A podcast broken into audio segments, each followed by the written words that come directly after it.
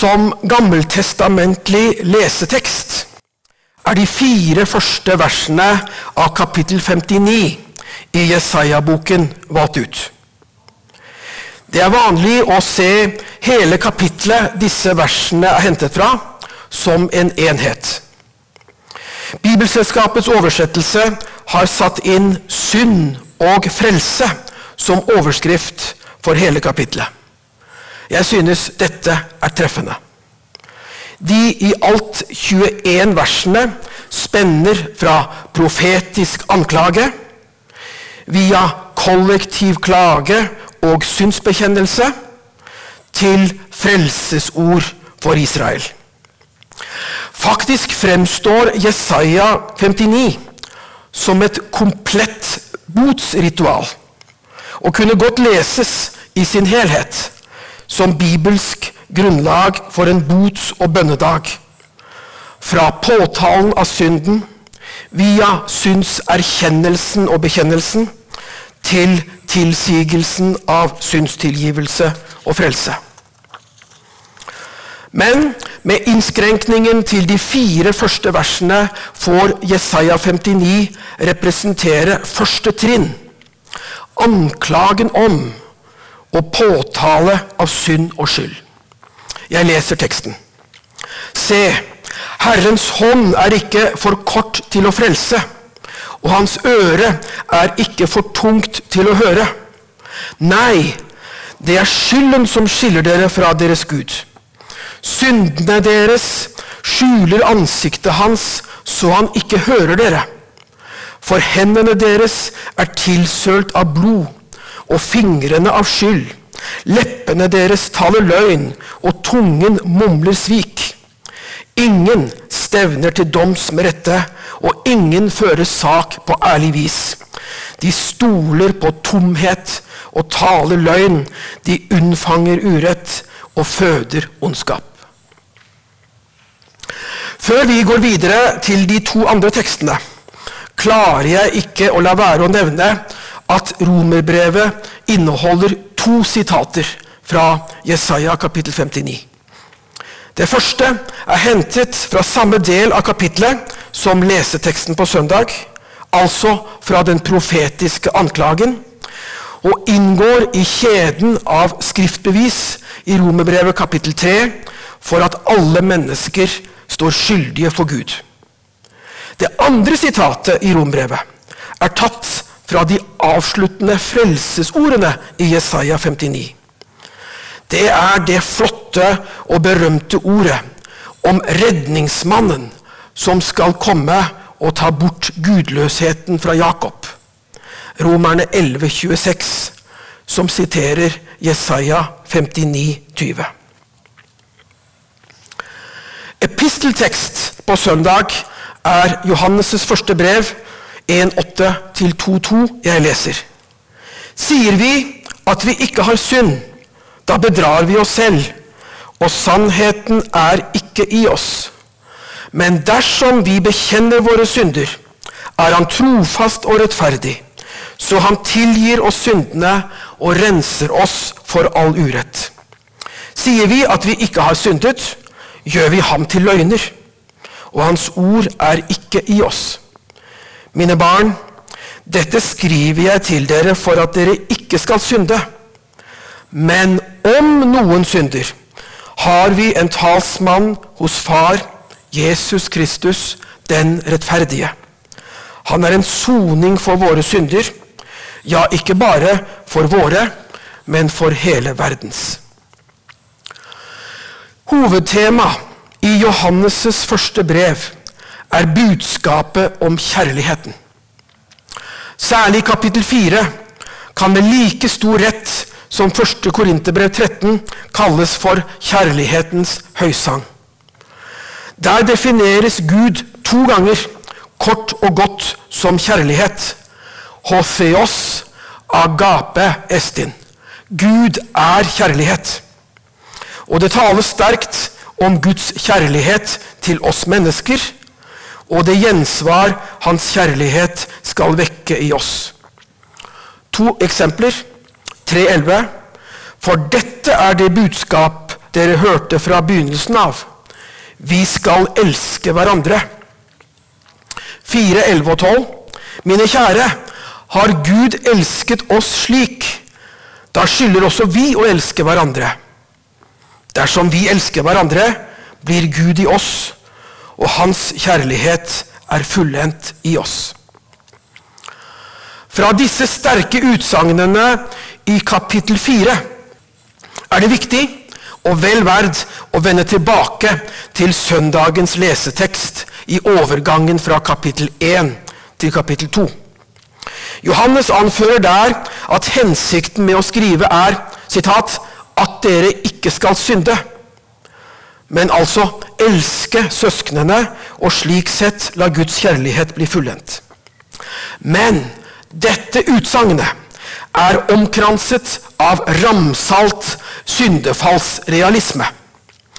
Hvis vi sier at vi ikke har synd, og har syndet, bedrar vi oss selv og gjør Gud til løgner. Naturligvis gjelder dette de tiltaltes fortid, før de gjorde bot og omvendte seg. Men det gjelder også nåtiden. Om noen, til tross for formaningen og oppmuntringen til et liv smittet av Guds kjærlighet, synder, har vi en talsmann hos Far, Jesus Kristus, den rettferdige. De fem versene lesetekst i 1. Johannes brev inneholder hele arsenalet av sentrale botsteologiske termer. Nummer én vi bekjenner våre synder. To Gud tilgir syndene og renser oss fra all urett. Tre når Gud gjør dette, viser han seg som trofast og rettferdig. Fire. Gud kan og vil tilgi fordi Jesus Kristus er en soning for hele verdens synder. 5. Etter sin soningsdød er Kristus oppreist som vår talsmann hos Gud. Uten at jeg her kan utfolde det nærmere, mener jeg at 1. Johannes 1,8-2,2 kan og bør leses i saklig parallellitet til kjerneutsagnene i romerbrevet om Guds rettferdighet og Kristi rolle i rettferdiggjørelsen. Og som en vedvarende aktualisering av romerbrevets budskap. Teksten fra Johannes' første brev er aldeles velegnet på bots- og bønnedag, og bør ved jevne mellomrom brukes som hovedtekst for prekenen denne dagen. På førstkommende uh, søndag uh, er det imidlertid den tredje bibelteksten, fra Lukas 18, vers 9-14, som er prekentekst. Jeg leser. Til noen som stolte på at de selv var rettferdige, og så ned på alle andre, fortalte Jesus denne lignelsen. To menn gikk opp i tempelet for å be. Den ene var fariseer, og den andre toller. Fariseeren stilte seg opp for seg selv og ba slik.: Gud, jeg takker deg for at jeg ikke er som andre mennesker, de som svindler, gjør urett og bryter ekteskapet, eller som den tolleren der. Jeg faster to ganger i uken og gir tiende av alt jeg tjener. Tolleren sto langt unna og ville ikke engang løfte blikket mot himmelen, men slo seg for brystet og sa, Gud, vær meg synder nådig.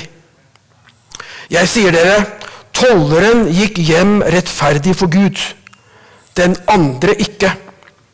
For hver den som setter seg selv høyt, skal settes lavt, og den som setter seg selv lavt, skal settes høyt. Denne lignelsen er en eksempelfortelling. Og evangelisten Lukas introduserer den med en klar angivelse av hvilken hensikt den skal tjene. Den skal være en avsløring og oppvekker for mennesker som sitat, stolte på at de selv var rettferdige, og så ned på andre. Som eksempel på en slik holdning forteller Jesus om en fariseer. Og han lar en toller representere dem som fariseeren ser ned på. Vi er nok så vant til å tenke på fariseere som hyklerske og selvgode at dette valget av figurant ikke vekker samme forundring, eller til og med forskrekkelse, hos oss som hos mange av Jesu tilhørere. Men Lukas er nok den av evangelistene som totalt sett gir sine lesere den mest nyanserte presentasjonen av fariseerne. Så han skal ikke klandres for skjevhet i fremstillingen, selv om søndagens tekst er særstoff og altså kun forekommer i Lukas evangeliet. Lukas forteller nemlig bl.a. at fariseere inviterte Jesus til måltidsfellesskap. Kapittel 7, vers 36. Og at det var fariseere som advarte Jesus da herskeren i Galilea, Herodes Antipas, pønsket på å få tatt ham av dage. Jeg siterer fra Lukas 13, 31. I det samme kom noen fariseere og sa til ham, du må komme deg bort herfra, for Herodes akter å drepe deg. Selv om prekenen på søndag ikke er anledningen til å tegne et nyansert eller sågar overveiende positivt portrett av fariseerne, som en respektfull fromhetsbevegelse i nytestamentlig tid, finner jeg grunn til å advare dem som skal preke over eksempelfortellingen fra Lukas 18, mot å henfalle til urettmessige stereotypier og generaliseringer av fariseere.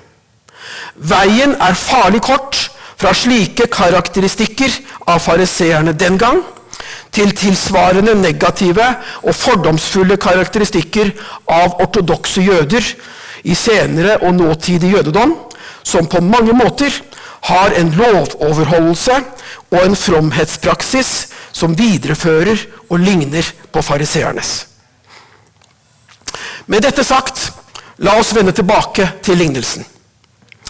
Det svarer til fariseernes hellighetsideal når mannen i lignelsen sier at han faster to dager i uken og gir tiende av alt han tjener.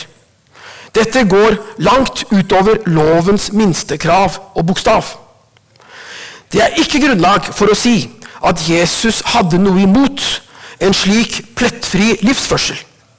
Naturligvis heller ikke at mannen lot være å svindle eller bryte ekteskapet.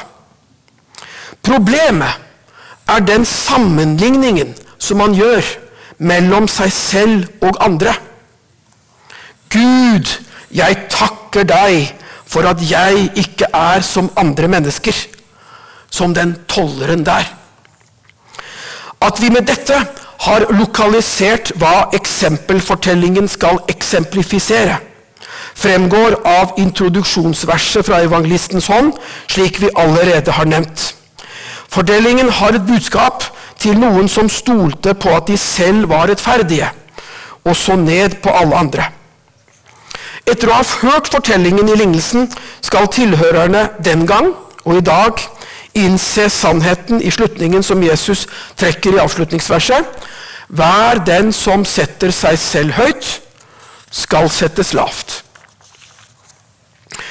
Teksten fra Lukasevangeliet holder frem for oss alvoret ved å tenke om seg selv i forhold til andre, slik fariseeren i lignelsen gjør, til og med i sin bønn til Gud.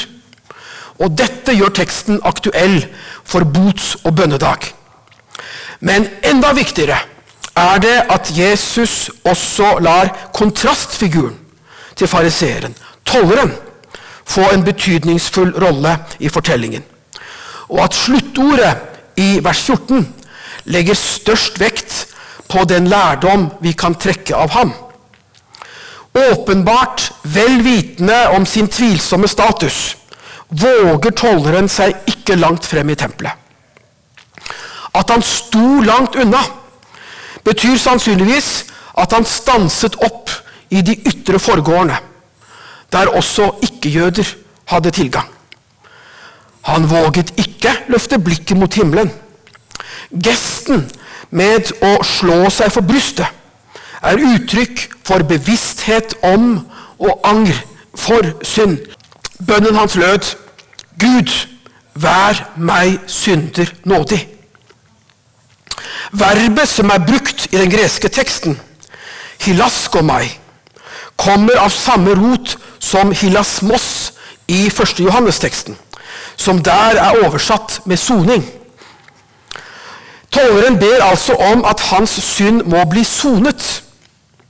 Jesus kommenterer slutt, i sluttverset utfallet med å si tolleren gikk hjem rettferdig for Gud, den andre ikke. Her er en form av verbet dikaio brukt. Rettferdiggjøre, eller erklære rettferdig, som florerer hos Paulus i Galater- og Romerbrevet når han utfolder budskapet om rettferdiggjørelse ved tro uten lovgjerninger. Tolleren er eksempelet på at den som setter seg selv lavt, skal settes høyt. At Jesus lar tollerens mellomværende med Gud i lignelsen kulminere i bønnen om at Gud må være ham synder nådig, og at Jesus sier at det som skjer, er at tolleren går hjem rettferdig for Gud, gjør at teksten fra Lukasevangeliet er særdeles velvalgt for bots- og bønnedag. Lov-evangelium-dynamikken utfolder seg i teksten og må på tilsvarende måte få komme til orde i prekenen denne dagen. Mer enn alle andre tekster i de synoptiske evangeliene ligger fortellingen om fariseeren og tolleren som ba i tempelet, terminologisk tett opp til læreavsnittene i de nytestamentlige brev som handler om soning og rettferdiggjørelse. Jeg vil derfor konkludere disse betraktningene om de tre bibeltekstene for bots- og bønnedagen med å si at de gjensidig supplerer og beriker hverandre. Det er sjelden um, vi har et så samspillende knippe av tekster til rådighet i høymessen. Det ligger derfor godt til rette for en lærepreken, kanskje av noen minutters lengre varighet enn gjennomsnittet av høymesseprekener, der lesetekstene får spille inn og berike prekenen med momenter utover dem som finnes i prekenteksten. Hvis derimot forholdene ikke ligger godt til rette for en slik lærepreken, det være seg man skal ha familiegudstjeneste eller det er mange dåp, slike hensyn, da vil det nok være tilrådelig å utvikle prekenen på grunnlag av evangelieteksten alene. Det kan sikkert være virkningsfullt dersom predikanten gir ferske og tidsaktuelle eksempler på personer, um, sagt med åpningsverset, som stoler på at de selv er rettferdige og ser ned på alle andre. Men forsøk på den slags aktualiseringer er risikable og kan slå feil. Ikke bare ved at eksemplene kan være tvilsomme eller direkte misvisende, men også ved at et slikt innsteg lett kan gjøre forkynnelsen lovisk og moraliserende. Så her gjelder det at predikanten viser godt skjønn og fremstår som en god teolog, luthersk definert, nemlig en som kan skjelne rett mellom lov og evangelium. Det trenger vi på bots- og bønnedag, og det inviterer de tre bibeltekstene til. La oss avslutte med bønnen for bots- og bønnedag. Nådige Gud, du har skapt oss i ditt bilde og former oss på nytt med din skaperhånd. Vi ber deg, tilgi oss syndene våre og forny ditt bilde i oss, så vi vender om til deg og lever etter din gode vilje ved din Sønn Jesus Kristus, vår Herre, som med deg og Den hellige ånd lever og råder, en sann Gud fra evighet til evighet. Amen.